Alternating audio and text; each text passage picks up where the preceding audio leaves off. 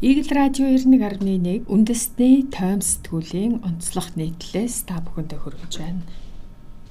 Нийтлэлч Эрдэнэ Чимэг Монголын уур амьсгалын өөрчлөлт ба хоол хүнс. Өнөөдөр дэлхийн цагуурын өдөр тохиож байна.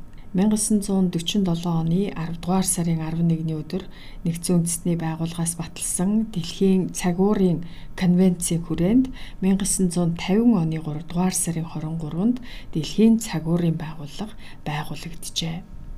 Тиймээс энэ өдрийг жил бүр дэлхийн цагуурын өдөр хэмээн тэмдэглэх болсон. Энэ жилийн хувьд энэ өдрийг хойч ирээдүйн цагаагаар уур амьсгал, ус сэдвийн хүрээнд тэмдэглэн өнгөрүүлэх юм. Энэхүү өдөртөө холбогдуулан нэгдсэн үндэсний байгууллагын хүүхдийн сан, нэгдсэн үндэсний байгууллагын хүнс хөдөө аж ахуйн байгууллага, олон улсын хүнсний бодлогын судалгааны хүрээлэн хөдөө аж ахуй их сургууль хамтран гаргасан Монгол улс дахь уур амьсгалын өөрчлөлт ба хоол тэжээлийн байдал эрсдлийн төлөв хэмээх тайлангаас онцлох зарим тоо баримт мэдээллүүдийг та бүхэндээ хүргэж байна. Монгол улсын уур амьсгал хэрхэн өөрчлөгдөж байна вэ? Монгол улсад уур амьсгалын өөрчлөлт хэрхэн явагдаж байна вэ гэдэг бидний нэн тэргуунд сонирхох асуулт. Тэгвэл энэхүү тайланд Монгол улс уур амьсгалын өөрчлөлтийн сөрөг нөлөөнд асар их өртөж байгаа хэмээн тодтогоод агаарын температур үлэмж өндөр байх усны нөлөөгөөр усны ууршилт нэмэгдэж тус улсын усны нөөц хатаж ширгсэн явдал үүнд багтана хэмээжээ. Манай улсын агаарын дундаж температур 1940-с 2015 оны хооронд 200-ны 24 градусаар өссөн байх. Бөгөөд хүүтэн өдрүүдийн тоо буурч халуун өдрүүдийн тоо нэмэгдэжээ өвлийн цасны хэмжээ нэмэгдсэн атлаа хурдундасны жилийн дундаж хэмжээ 7%-аар буурсан байна. Монгол улсын урдчлан тооцоолсон дулаар л дэлхийн дунджаас хавьгүй илүү байгаа төдийгүй энэ зууны эцэст Цельсийн 5 градус давж болзошгүй байна. Хоногийн хамгийн өндөр болон хамгийн нам температурын дулаар л дундаж төвшнөөсөө илүү хурдцтай байна гэж тооцогдож байгаа хэмээн тодтогжээ. Уур амьсгалын өөрчлөлтийн нөлөөгөөр удаан хугацаанд үргэлжилсэн ган гачиг, хит халуун, гинтийн үер, шорон шуурга гэх мэт цаг агаарын эрсдэл, эрсдэс үзэгдлүүд нэмэгдсэнийг онцолжээ. Мөн эрсдэс үзэгдлийн давтамж хамрах хүрээ сүүлийн жилүүдэд улам нэмэгдснээр хүнс үйлдвэрлэлд ихээхэн хохирол учруулж хүчтэй аадар бороо хөрсний илэгдэлд нөлөөлөн цочрол хүүтрэл нь ургамлын өсөлт болц мал сүргийн эрүүл мэндэд сөрөг нөлөө үзүүлж байгааг ч мөн өгүүлсэн байна. Дэлхийн уур амьсгалд бид ингэж нөлөө үзүүлдэг. Нэгдсэн үндэсний байгууллагын уур амьсгалын өөрчлөлтийн конвенцэд Монгол улс хүлэмжийн хий нүрс хүчлийн давхар эслийн ялгарлыг 2030 онд 74.3 сая тонн, 2020 онд 49.1 сая тонн байлгахаар тооцож мэдүүлсэн байна. Монгол улс 34 сая тонн хүлэмжийн хий ялгаруулдаг бөгөөд бараг тэн хагас нь хөдөө аж ахуйд түүний дотор бараг бүхэлдээ мал аж ахуйд ногддог байна. Монголчуудын 50% нь эрүүл шим тэжээлтэй хоол хүнс худалдан авч чаддаггүй.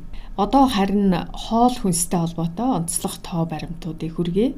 Дэлхийн хүнсний аюулгүй байдал хоол тэжээлийн 2022 оны тайланд дурдсанаар Монгол улсад сүүлийн жилүүдэд хүүхдийн өсөлт хоцролт буурч 7.1% төрсэн боловч амин дэм эрдэс бодисын дутлаас үүдэлтэй хоол тэжээлийн эмгэгт өртөх байдал хэвээрээ байгааг өгүүлжээ. Монгол улсад хийсэн хүн амын хоол тэжээлийн байдлын хамгийн сүүлийн судалгаагаар 5 хүртэлх насны хүүхдийн 27%, жирэмсэн ээжүүдийн 21%, цус багталттай 5 хүртэлх насны хүүхдийн 70%, жирэмсэн ээжүүдийн 12% нь А амин дэмийн дутагдaltaй, 5 хүртэлх насны хүүхдийн 90%, жирэмсэн эхчүүдийн 96% нь Д амин дэмийн дутагдaltaй байжээ. Бага насны хүүхдийн дөнгөж 58% 6 сар хүртэл эхийн сүгээрээ дагнан хоолсон, ердөө 44% нь зохистой хооллож байна. Өрхийн хүнсний аюулгүй байдлын шатлалаар хотын айл өрхийн 33%, улсын хэмжээнд айл өрхүүдийн 41% нь хүнсний аюулгүй байдал хангагдсан. Хот суурин газрын айл өрхийн 26%, хөдөө орон нутгийн айл өрхийн 17%-д хүнсний аюулгүй байдал ноцтой хэмжээнд алдагдсан байна. Хүн амын дийлэх нь илчлэг ихтэй хоол хүнс хэргэлдэг боловч монголчуудын бараг 50% нь эрүүл шим тэжээлтэй хоол хүнс худалдан авч чаддгүй юм байна. Улсын хэмжээнд нөхөн үрчүүн насны нийт эрэгтэй эмэгтэй хүмүүсийн дунд хийсэн судалгааны дүнгээс харахад жимс хүнсний нарийн ногоо, өндөг, самар, үр, загас, шувууны мах, бүхэл бүрийн гурил зэрэг эрүүл тэжээллэх хүнсний хэрэглээ бага 21 нэр төрлийн шимт бодисыг үнэлэхэд эслэг, фолийн хүчил, бусад амин дэм зэрэг 10 нэр төрлийн шимт бодисын хэрэглээ хүн амын 50 хүртэл хувь нь хангалтгүй хэмжээнд авч байсан байна. Монгол улсад буудаан гурилыг амин дэм эрдэс бодисоор баяжуулахаар хуульчилсан боловч хууль тогтоомжийн хэрэгжилт хангалтгүй зөвхөн хүнсний давсыг йоджуулж байна. Манай улсын зохистой хоолтын одоогийн зөвлөмжийг хянан шинчилсэний дараа хүн амын ойлголт мэдлэгийг дээшлүүлэх кампанит ажил өрнүүлбэл хооллолтын байдалд өөрчлөлт орж жимс хүнсний ногооны хэрэглээг нэмэгдүүлэхэд тус болох боломжтойг мөн зөвлөсөн байна. Бичил тижээлийн дутлын улмаас зүрх судас бодисын солилцооны өвчний эрсдэл нэмэгдсэн байна. Энэхүү тайланд онцлон тэмдэглэсэн нэг зүйл нь Монгол улсад бичил тижээлийн хавсарсан дутлын улмаас зүрх судас бодисын солилцооны өвчний эрсдэл нэмэгдэж байгааг өгүүлжээ.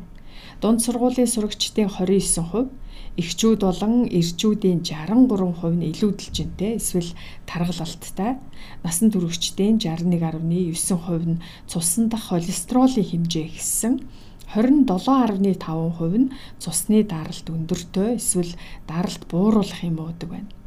Энэхүү байдал нь бидний хоол хүнстэй шууд холбоотой.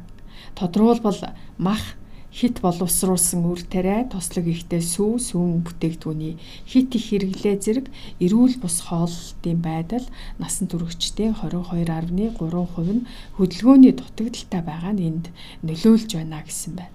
Монгол улс зүрх судасны өвчний шалтгаанд нас баралтаар дэлхийд нэгдүгээрт бичигдэж байна. Хооллолт болон халдварт бус өвчний эрсдлийг хэмжих дэлхийн нийтийг хамарсан судалгаагаар Монгол улс эрүүл хооллолтын индексийн үзүүлэлтээрээ 1990 болон 2017 онд бусад орнуудаасаа доогуур оноо авсан бөгөөд эрэгтэйчүүдийн 57%, эмэгтэйчүүдийн 51% нь эрүүл бус хооллолттой холбоотой байна. Үүнээс хамааралтай зүрх судасны өвчний шалтгаанд нас баралтаар нэгдүгээрт хооллолттой холбоотой бүх төрлийн шалтгаанд нас баралтаар дөрөвдүгээрт оржээ. Мөн бүх төрлийн шалтгаанд нас баралтаар 23 дугаарт зүрх судас бодисын солилцооны эрсдлийн хүчин зүйлтэй хамааралтай зүрх судасны өвчний нас баралтаар 11 дугаар байранд орсон байна. Дулаар л Монгол улсын хүн амын амжиргаа, хооллолт, хоол тэжээлийн байдалд ноцтой нөлөө үзүүлж болцсошгүй. Энэхүү тайлангийн гол ач холбогдол нь уур амьсгалын өөрчлөлт болон хүн амын хоол тэжээлийн бусад учир холбогдол бараг судлагдаагүй явж ирснийг гарган тавьжээ. Монгол улс уур амьсгалын өөрчлөлт болон таргалалт, хоол тэжээлийн дутал хэмээх өөр хоорондоо харилцсан хамааралтай олон эрсдэлт хүчин зүйлсүүдэд нэг цаг дор нэрвэгдэж байгаагч мөн тодтогсон байна.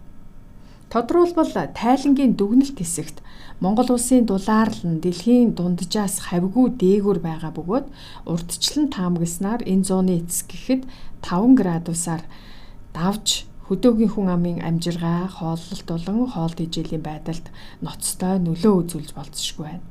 Тус улсын уламжлалт хоол хүнс нь мах, улаан будаан гурил, сүү, сүүн бүтээгдэхүүн төмсөнд голчлон суурилсан байдаг нь байгаль орчны хүндрэл бэрхшээлээс үүдэлтэй.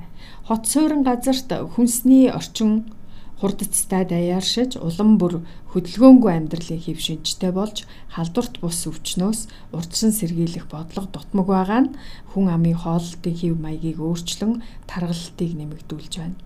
Үүн дээр уламжлалт хоол хүнс нь шим тэжээлийн бодисоор дутмаг байдал нь нэрмээс олж зүрх судас бодисын солилцооны өвчл нэмэгдэхэд хүргэжээ. Температур дээшлэх цагаагаарын эрсдэс үзэгдлийн хамрах хүрээ, давтамж, нэмэгдэх, усны хомсдол, усны болон агаарын бохирдол, улам даамжрах зэргээр уур амьсгалын өөрчлөлт нь тус улсын хоол тэжээлийн эрсдлүүдийг улам нэмэгдүүлнэ гэж тооцоолж байна. Эдгээр нөлөө нь хөдөөгийн хүн амын амжиргаанд улам бүр сорилт учруулж хүнсний импортоос хараат байдлыг нэмэгдүүлж хөдөө орон нутаг дахь тээвэрлэлт хүнсний хадгалалтанд бэрхшээл учруулна хэмээжээ. Уур амьсгалын өөрчлөлт болон хоол тэжээлийн хоорондын холбоог цогц байдлаар илүү сайн ойлгосноор уур амьсгалын сөрөг нөлөөг үл харгалзан Монгол улсын хүн амд хангалттай аюулгүй шим тижээллэг хоол хүнсийг хүртээмжтэй хангах үр дүнтэй арга хэмжээнүүдийг авч хэрэгжүүлэх нь энэ асуудлын гол түлхүүр болохыг ч мөн өгүүлсэн байна. Игэл радио 91.1 үндэсний тойм сэтгүүлийн онцлог нийтлэл нийтлэлч Эрдэнэ чимгийн бичсэн Монголын уур амьсгалын өөрчлөлт ба хоол хүнс гэсэн сэдвийн нийтлэлийг та бүхэндээ хүргэлээ.